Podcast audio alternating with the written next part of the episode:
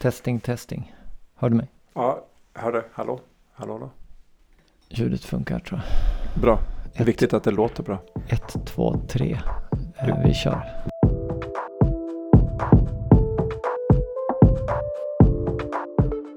Du vet att det inte finns några genvägar till det perfekta ljudet? Farbror Barbro. Killinggänget. Ja, det är det. Det går ju en... eh, Ja men tjena Patrik. Jag skulle, ja, jag skulle ju säga det går ju en dokumentär nu om Killinggänget. Ja, jag vet. Jag har, Har inte du sett kolla. den? Nej, jag har sett eh, Jag kom ner efter att ha lagt vår sexåring och såg att eh, min sambo satt och kollade på det. Och jag Den- bara, men hallå? Det där är väl någonting vi ska göra tillsammans? Ja, den, Det inte den vi ironiska ju- generationen. Liksom. Ska vi Du göra kollar- det tillsammans? Ja, kollade du på alla Killinggängets grejer? Absolut, vi satt ju bänkade. Även, um, vad hette det de först gjorde i radio? Samma, en delmängd av samma gäng. Eh, P3, de satt och ringde, eh, Hassan. busringde. Hassan, ja. Ja. Var ju också sånt man... Det jag inte riktigt hade koll på för er känner när jag såg något avsnitt här. Det var ju hur mycket Martin Lok betydde Jag för Killinggänget. jag hade ingen aning heller. För han var det ju inte behind liksom, the scenes och sådär. han var ju behind the scenes men var tydligen jätteviktig. Mm. Har du sett, apropå honom, har du sett Bonusfamiljen? Nej, Nej, här är han Eller? med. Han är en kurator. okej. Är det någonting Ja. man borde se? Ja, jag Han har är inte rätt sett- kul. Min yngsta dotter, hon är 12, hon tycker det är jättekul att kolla på. Och den är riktigt rolig. Mellan varven. Ja. ja, jag jag känner igen det så att... Han finns på Netflix. Okej. Ja. Lite reklam. Mm. Kommer Netflix med stort kontrakt nu när vi har nämnt dem. Oh ja. Usch. Ja, ja men apropå det. Du, eh, när vi lyssnar, du, du reflekterade själv över att du svor en hel del. Ja, jag, är- jag tycker det är tråkigt. ja, men du har också nämnt att du bor utomlands, har bott utomlands, eller växt upp utomlands. Mm. Har det någonting med saken att göra? Ja, nu, tänker jag, nu tänker jag ser så här en eld italienare framför sig. Som, vrålar alla möjliga Ja. svordomar Ja, liksom. men min, min egen um, hobbyanalys av det är att jag, jag växte ju upp, jag, jag har jag lärt mig de här språken i följande ordning. Engelska, luxemburgska, tyska, svenska. Heter det Det finns, luxemburgska? ett, det finns ett språk som heter luxemburgska. Ett väldigt gammalt språk. Som de också som de pratar ute i Varför byarna. pratade du ett gammalt språk i För Luxemburg? att jag bodde, vi bodde på, ute i, i en liten by. Så det var det man pratade med barnen och i affärerna och så vidare. Aha. Poängen var ju inte så mycket att vi skulle fördjupa oss i just luxemburgska. Nej, nej, det mycket hade intressant väldigt intressant språk säkerligen. Gamla luxemburgska. Ja, det är någon sån blandning på tyska, flamländska. ish, Sådär. Men eh, grejen var den, jag ville bara etablera då att min svenska var, kom ju väldigt sent in i mitt liv. Jag måste bara ho- hoppa att det var svor de väldigt mycket i Luxemburg. Nej, Nej, jag, nej. Du måste, vi måste ju Ja. fullfölja den här storyn. Ja, ja, ja, förlåt. Eh, nej, jag var ett oerhört välartat barn. Ja, ja, Ehm, och ehm, eh, så när jag började lära mig svenska när vi tillbringade vissa somrar i Sverige. Eh, sen så vi hade viss undervisning på lördagar varannan lördag och det var man jätteglad för att få gå i skolan extra. ja, ja, ja, ja det fattar jag. Det var liksom som drömmen. Äntligen lördag. Någon mikroskopisk andel av jordens befolkning pratar och sjunger om små grodor när de hoppar runt en Ja. ring liksom och så vidare. Ehm, så när jag, när jag väl flyttade till Sverige som eh, i 18-19 års, års åldern så pratade jag ganska dålig svenska. Och så är det så vanligt då när man lär sig. Det första du lär dig i ett språk det är ju all the bad words. Man lär sig svordomarna Ja. och de använde jag för att ehm, eftersom jag hade ett oerhört begränsat ordförråd. Så det blev ju liksom en del av min jargong att svära.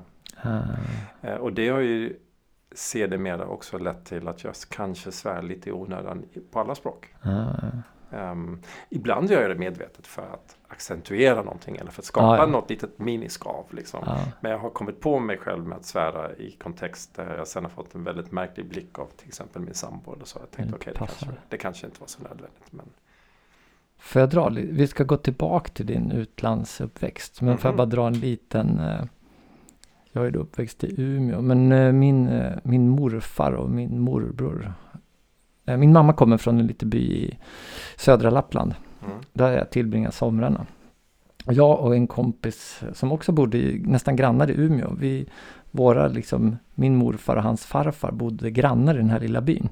Så det var jättekul att vi kunde vara där uppe samtidigt och fiska och så. Men rätt snabbt fick vi ett litet intresse av att vi tog min morbrors svordomar och hans farbrors svordomar. Och så liksom när vi träffades efter middagar eller på morgondagen efter så här, då gick vi alltid igenom så här, vad, vad har han sagt för svordomar? Alltså han, så här, för det var liksom haranger av svordomar. Kan du några? Guds förbannade jävla satan och sånt där. Så det, var, det var liksom där.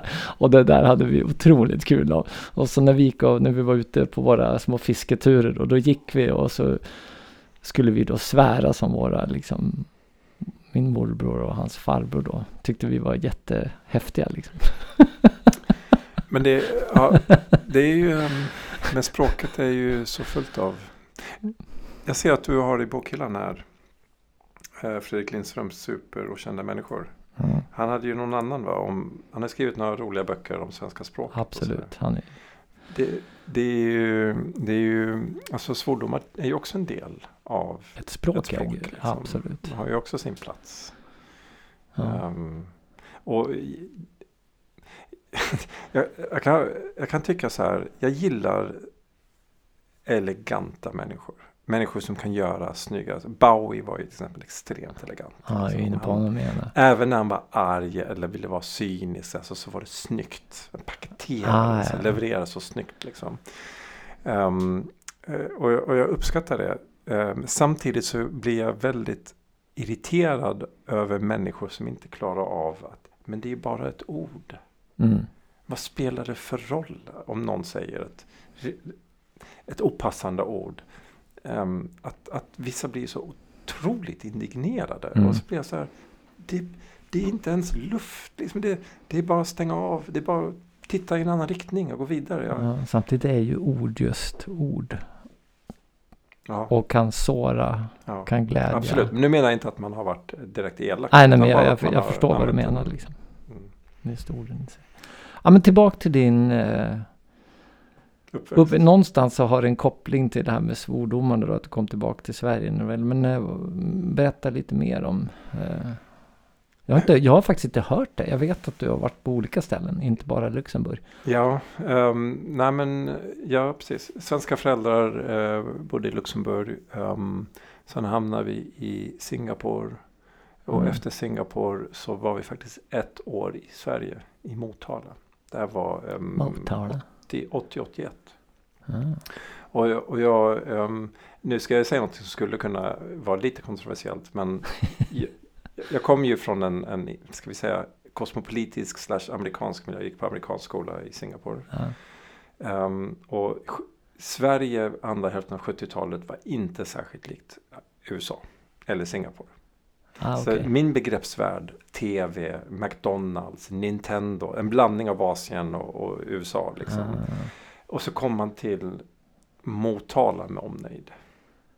Där du vet, bara för att ta ett exempel, strand. jag, säger- jag säger inte om det var rätt eller fel. Bruks, är inte det en bruksort? Eller? Eh, Ja, Motala är ju jättevacker där mellan... Jag gör vacker, men jag Ja. tänkte vad var själva... Ja, men Luxor var ju en stor Luxor, del ja, eh, precis. av... eh, Och sen Ja, då är det ingen fanns- bruksort. Nej. men- Men, men grejen var den att ehm, jag tyckte ju allting var så, jag vet inte, jag kan inget bra svenskt ord, lite quaint. För att ta ett eh, engelskt ord. Eh, barnprogram visades i en halvtimme från halv sju till sju. Men i Halvtimme. Singapore var det ju fem kanaler med tecknat på. Ja, ni konstant, hade det. Ja, liksom. jag satt ju uppe på Godmorgon Sverige på söndagar för att se Hacka Hackspett fem Nej, minuter. Och jag säger inte att det var... Och sen Lilla Sportspegeln, ja, Janne. Långben. Ja, och, så, och det är också därför man i Sverige vallfärdar eh, till tvn på julafton. För det var då man fick se Disneys Kalle, ja. tecknat. Ja. Liksom. Eh, och det lever ju kvar lite. Men grejen var att det, min, min upplevelse av Sverige var ju det. Mm. Det var Sverige för mig. Liksom. Mm. Men vi var bara ett ja, Vad jag tänkte komma till var att jag jag pratar extremt dålig svenska då. Mycket sämre än vad jag gjorde när jag kom till Lund sen eh, nästan tio år senare. Mm. Eh, och eh, hamnade i en liten skola i, i Motala. Och eh, jag tror, om vi bortsett från att jag i alla andra avseenden eh, ser ut att vara svensk. Så tror jag det, jag vet lite grann hur det känns att komma som en, en invandrare till en liten Eh, ort. Jag sa ju i förra avsnittet när jag droppades ner i den här författarvärlden. Ja, Hur var det exakt. för dig att droppas ner i Motala? Nej, men jag hade ganska mycket stora problem.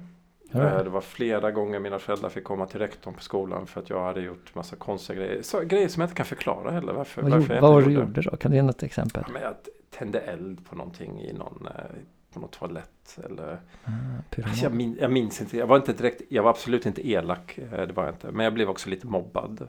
Ja, Ehm, lite annorlunda då. Ja, ehm, vi hade en kille som satt i en, ehm, jag minns jag, en elektrisk rullstol som nog var ganska modernt på den tiden. Honom blev jag vän med för han var ju också lite eh, utanför det sociala. Och han var intresserad av datorer. Han hade en ABC80 Ah, så vi satt hemma hos honom och programmerade Basic minns jag. Ehm, men jag blev lite udda, jag blev liksom inte en del av samhället. Och, och det ironiska var ju såklart att min far som är uppvuxen i Motala, var det som var kopplingen. Han, han var ju jätte hemma i den miljön. Ja, ja. Eller det var han i och för sig inte, han hade en gång flyttat därifrån och vi stannade bara ett år. Men, men Mm. han hade ju en annan ingång. ja Men jag var ju bara som en legobit som inte passar liksom. Eller så här, det var lego i Motala och jag var sån här Fischer-teknik. Liksom. Så hur just man det. än gjorde så passar jag inte. Nej, Liksom, gick inte att använda någonting. Så man slänger bort det. slut, liksom. Lite så. Ja, vi kan inte ägna så mycket tid åt det här. Men efter det så flyttade vi eh, till Genève och efter Genève så flyttade jag till Filippinerna. Filippinerna Ah. så ju, tog jag eh, studentexamen. Och Ja, sen okej. så bodde jag i Tyskland ett tag, jobbade på fabrik. Och sen hamnade jag i Lund och då var jag ungefär 18. Eh, när jag jobbade ett halvår på Åklund Rausing på gamla tubfabriken. Ja, ja. Och sen började jag plugga. ja That's okej. the story. Och, och, nu, och nu ser du helt så här, nu, nu går det upp ett ljus för dig. Liksom. Ja, jag bara nu börjar polletten trilla ner. Ja, ja, spännande. Ja. Ja, men det där. Det måste ha varit speciellt. Nej, Det var Det var inte det det. För Det var var din vardag liv. liksom. Exakt. Ja, du kunde inte fatta hur någon Jag är så kunde glad växa. att du sa det. För Mm. det var precis det jag alltid upplevde då. Ja. Ja, men det var ju jättemärkligt, ja, säger folk. Nej, jag tycker det är jättemärkligt att du levt här i Motala i hela ditt liv. ja, exakt. Om jag nu ska vara så. Ja. Liksom. Ja, ja. Du sa lite präglad av USA där också. Mm. Mm. Nu för jag tankarna till det är ett år i USA där det är val. Vi ska väl inte prata politik kanske, men eh, jag är bara nyfiken. Tror du Trump vinner? Ja, han lär ju vinna i alla fall att bli Republikanernas kandidat. Vem tror du blir Demokraternas? Ja, men det blir väl sittande presidenten. Det ska ju mycket till för att de Ja. inte ska... Ja, det är väl så. Ehm, Men, ja, och det- däremellan då? Vad tror du då? då?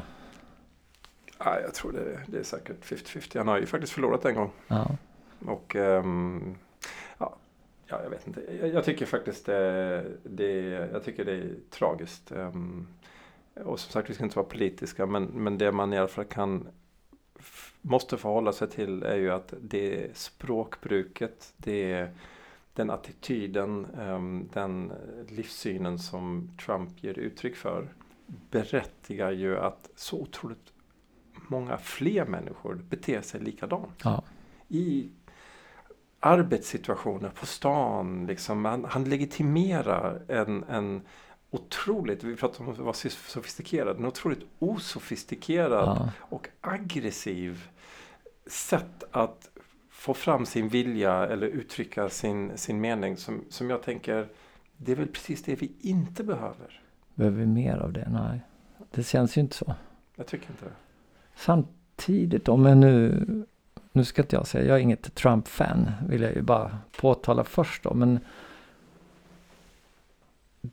du har ju säkert också i ditt arbete kanske, nu ska man inte säga att man stött på någon Trump-typ, för det, det har jag inte jobbat i den miljön, men här, och det är kanske farligt att säga att han har liksom narcissistiska, psykopatiska drag så, utan att eh, jag har inte gjort någon analys på honom, men om man skulle säga det.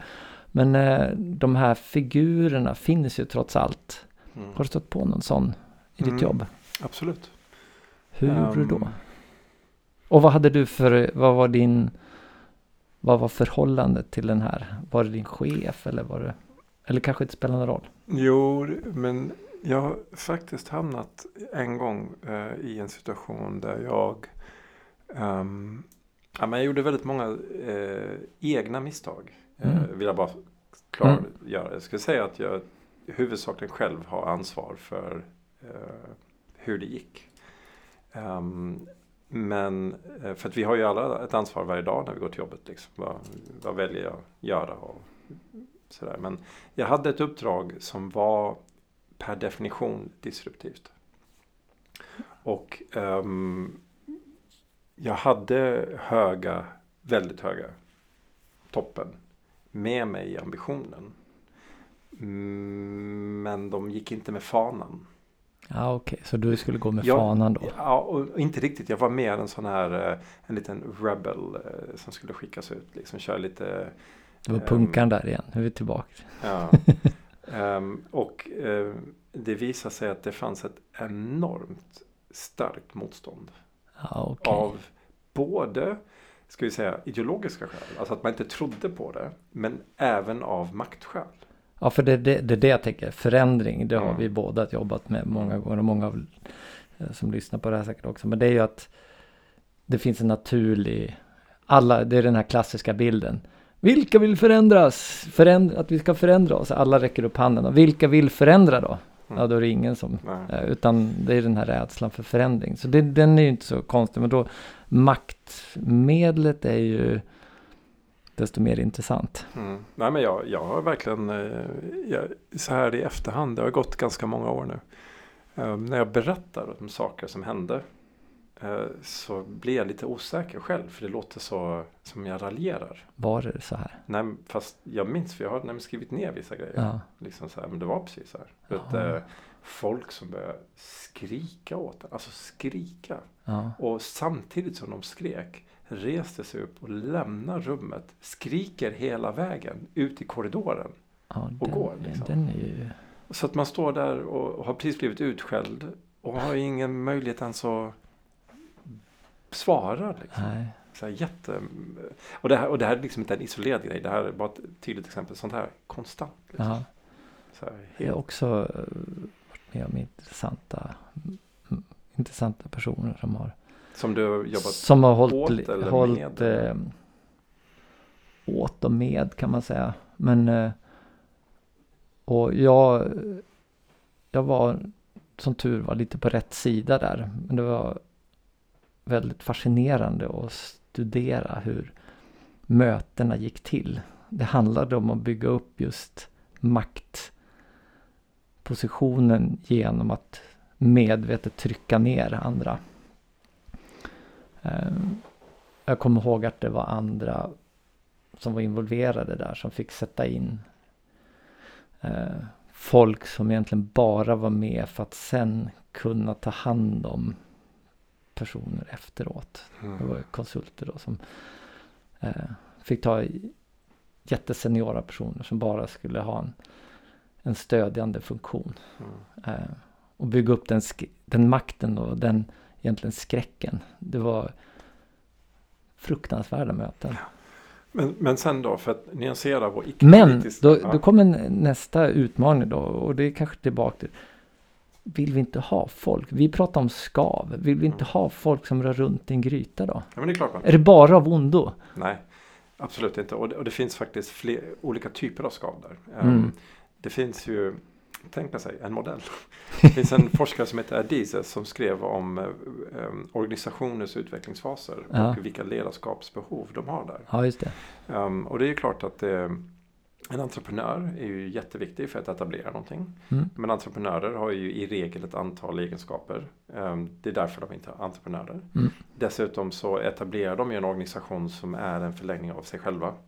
Ja. Um, om inte man sen kan lösgöra entreprenören från organisationen då blir entreprenören till slut en begränsning i Mm. organisationens förmåga att Mm. man pratar om att skala upp och, och så vidare. Just det. liksom. Ehm, så det är klart att det finns ju alla ledarskapstyper har ju ett värde i olika sammanhang. Liksom. Ehm, och, och om vi bortser från att kanske just Trump är extremt burdus och elak och, och sådär. Va? Så jag tänker att det är klart att det ledarskaps, alltså den ledarskapsstilen i det finns ju sammanhang där det kanske behövs. Liksom. Ja. Eh, ja, men det, ja. Det känns svårt att säga och hålla med, men eh, någonstans, om jag tänker efter så. ja, det behöver inte liksom. nej men det behöver inte bara vara ondo, kanske. Eller såra massa människor. Det Nej. gillar inte jag. Nej, men, men eh, till exempel jag, jag har jobbat en del inom offentlig sektor och, och offentlig sektor dras ju med enorma kostnadsbekymmer. Ja, Ehm, samtidigt som man ju vill behålla den här fantastiska arbetskraften eh, motiverad och stimulerad. Så det blir en jättesvår balansgång mellan Ja, ja. att komma och säga nej, nu är det här som gäller. ja vi kanske bara 10% ska röja bort. upp här liksom. Ja.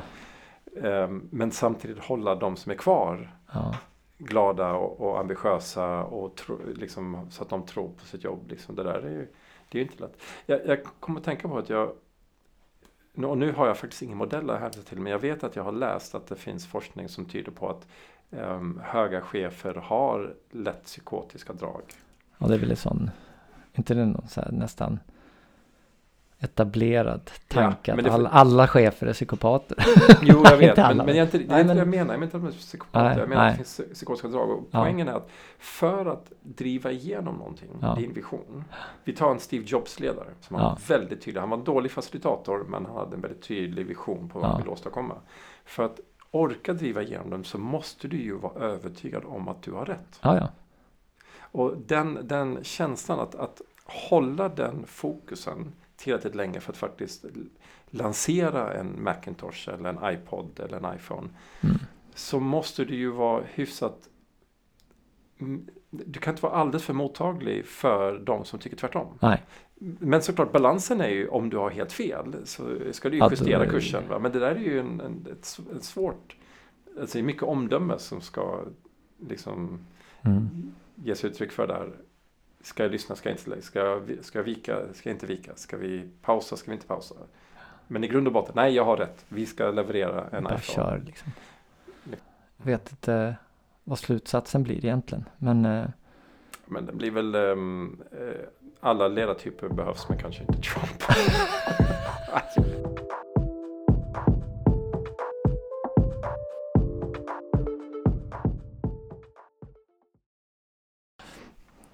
ja, du har inte snackat om musik idag.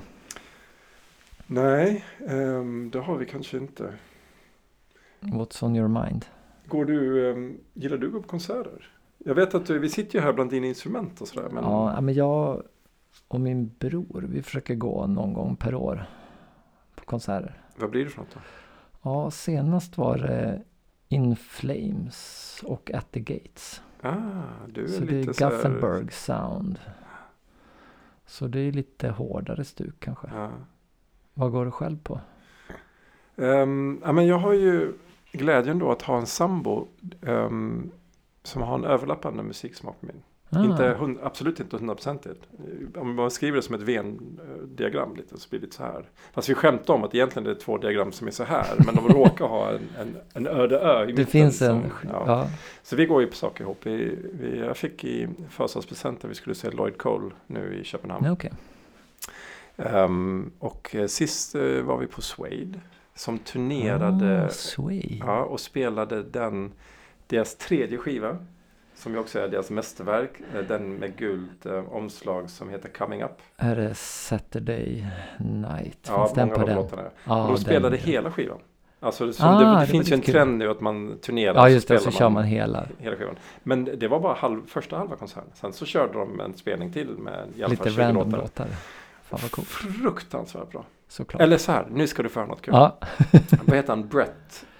Brett någonting heter sångaren. Anderson. Ja, Nej. han sjöng Mm. som en gud.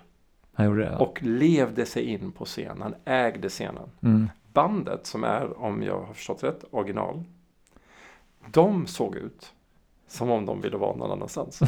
Ja, alltså nej, men på riktigt. Och blev det bra då? Så blev Ja, ja, det magiskt. levde ju på, alltså de kan ju spela de låtarna Ja, ja, ja, i sömnen. såklart, jag, ja. Liksom, så och, ja, men det blir ju väldigt komiskt. Det är ju Ja, ja. liksom två olika entiteter på scen. Ja. Ett gäng musiker som undrar när, när är det paus och Ja, när ska när ska gå hem. vi...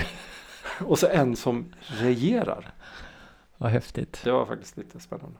Ja, jag var och kollade när Guns N' Roses gjorde ju någon sån här återturné. Det, var, det Och- kunde man väl räkna ut att det inte skulle bli bra. Eller Och så, ja men då, jag tänkte just på det för då, det var i Köpenhamn som jag var och kollade då. och Det var ju, då, var, jag, jag vet inte, det, jag tror de får ju dåliga recensioner. Men det var ju som att, vad gör de här på scenen? Ja, de här människorna.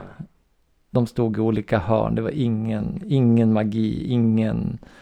Det såg du killar nu går vi, vi gör det här för att vi, ja, vi säljer ändå slut på Mm. parken. Biljetter liksom. Jag har faktiskt med, med åren blivit trött på arenaupplevelser.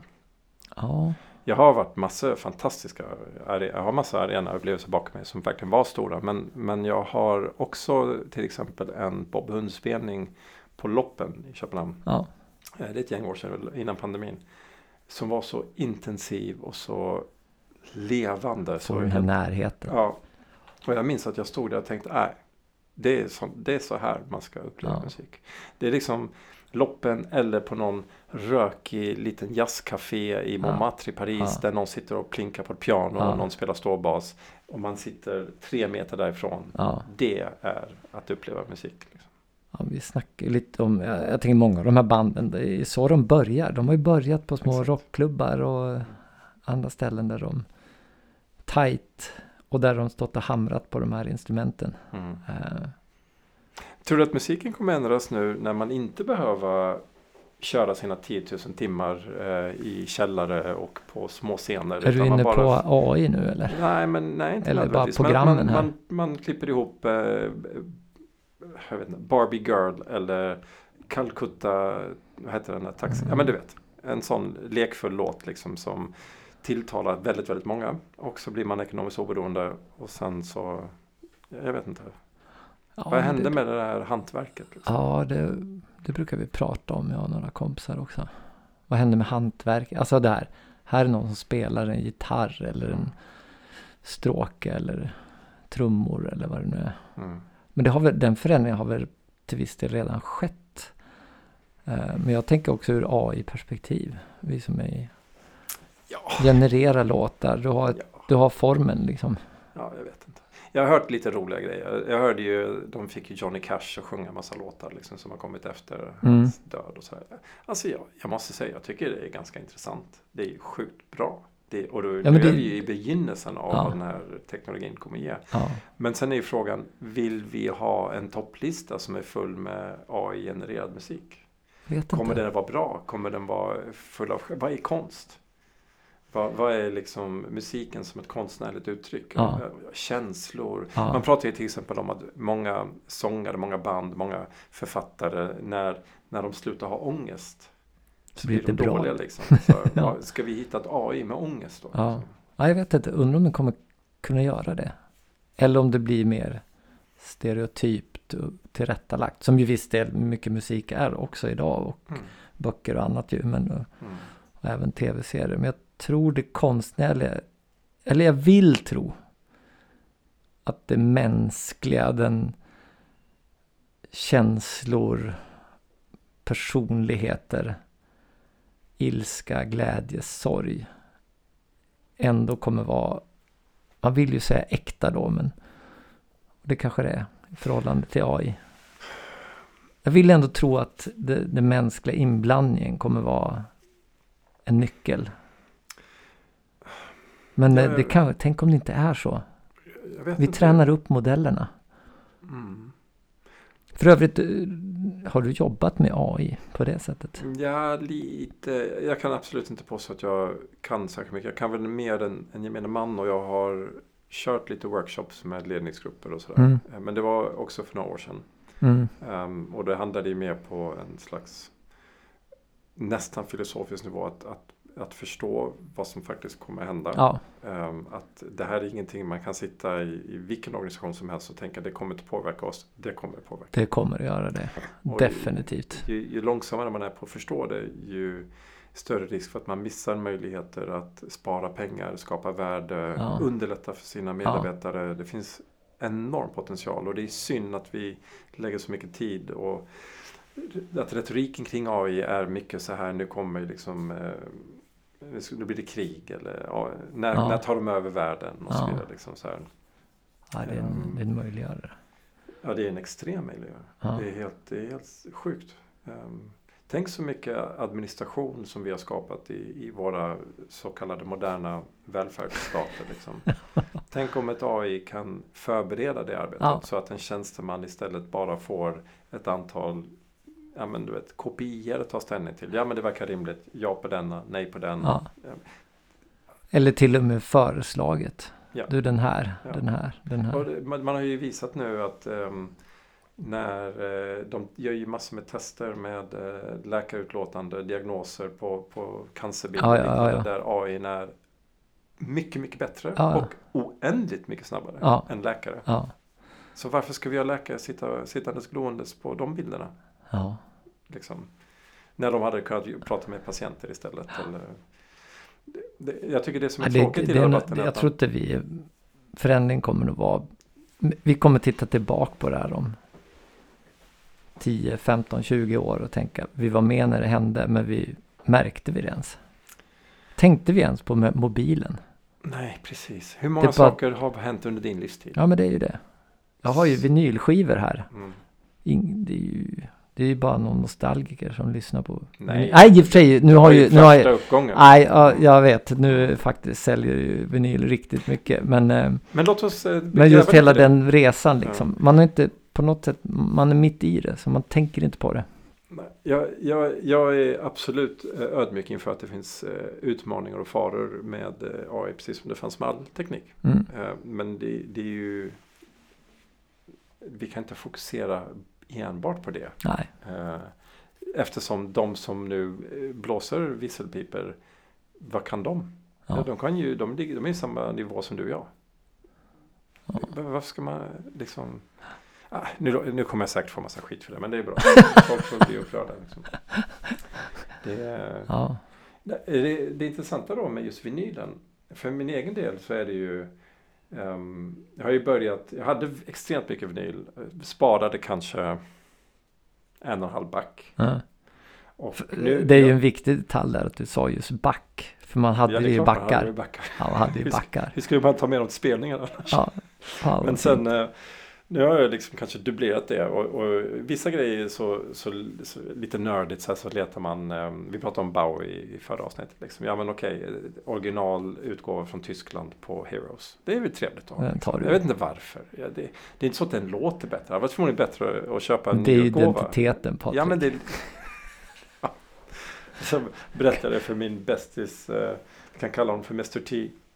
Och berätta stolt att jag hade eh, köpt den för X kronor. Så sa han bara, hur fan är du dum i huvudet? och han är det största Bowie-fanet jag känner. Liksom. Ja, men, det, är det, Ja. det är det här liksom eh, Ja. att på fredag kväll när man kanske har lite mer tid för att lugna ner sig liksom. Och att liksom gå fram, välja en skiva, ta fram den, eh, damma av den, sätta igång förförstärkaren.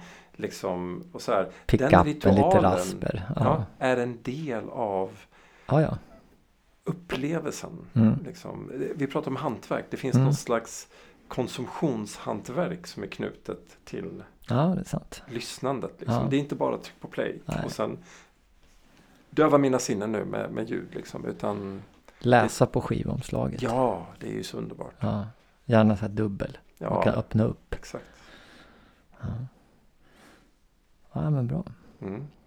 Var, det, var det avsnittets musikdiskussion? Det var nog Du har ju massa vinyler. Ja, om, om, om jag... ehm, vi skulle kunna... Ska du dra ut den? Dra Ja, ut det roliga är att jag känner igen många. Alltså så här nördiga man. Det, det där måste ju vara Midnight Oil. Ser. Ja, Midnight Oil finns nog där. Och jag var och kollade lite. Men det roliga är att jag bara tagit en på skoj. Har, har vi tid för det i det här, i det här avsnittet? Att eh, du tar ut den. Ja, men dra ut en skiva. Nu försvinner jag från ljudet ett tag. Då. Akta. Nu tar han en här på måfå. Nu får vi se. Oh! Oj! Och det där är nog... Det där var nog det mest oväntade du kunde dra ut. Nej, det, nu, är det så här, nu sitter jag framför mig här Nej, nej, men det- med en av Sveriges stoltheter. En, En drivande Sveriges- aktor i musikexporten. Ja, Roxette. ja. Joyride. Joyride. Med eh, Joyride som ju egentligen bara är en pastisch på en Doors-låt. Det kan, Ja. kan vi prata om sen. Eh, Hot Blooded minns jag inte. Fading Like a Flower. Fading Like Flower gjorde. Knocking on every door, spending my time, watercolors and rain. Var det bara en hitlåt på den här? jag tror det var Joyride. Ja. Jaha, hur kommer det sig att du har Roxette Joyride då? Det var ju synd att du tog just den där. Störde, störde det identiteten? Ja, kanske identiteten. Ja, men det störde mig nästan mer över att jag faktiskt inte tror att det där är min. Så det var, Kom ihåg när vi pratade om feedbacktrappa? ja, Ett avsnitt. ja, men det, Ja, på nej, riktigt. Det kanske är sant men det gäller inte mig där. ja, Ja, ja, inget fel på den. Jag lyssnar jättemycket på Roxette under perioder. Så inte, inte det. Ska Men eh, vi... jag tror, så det finns, jag kan inte, det finns ingen story. nej, men, men då, vi, då klipper vi bort det här. Ja, och så tar vi en ny. Det är dessutom möjligt att jag har försvunnit lite från Ja, micken ja kanske. Nu, kära Ja, nu tar jag en skiva här Ja. ifrån Greges Ja. skivsamling. Ja, ta det.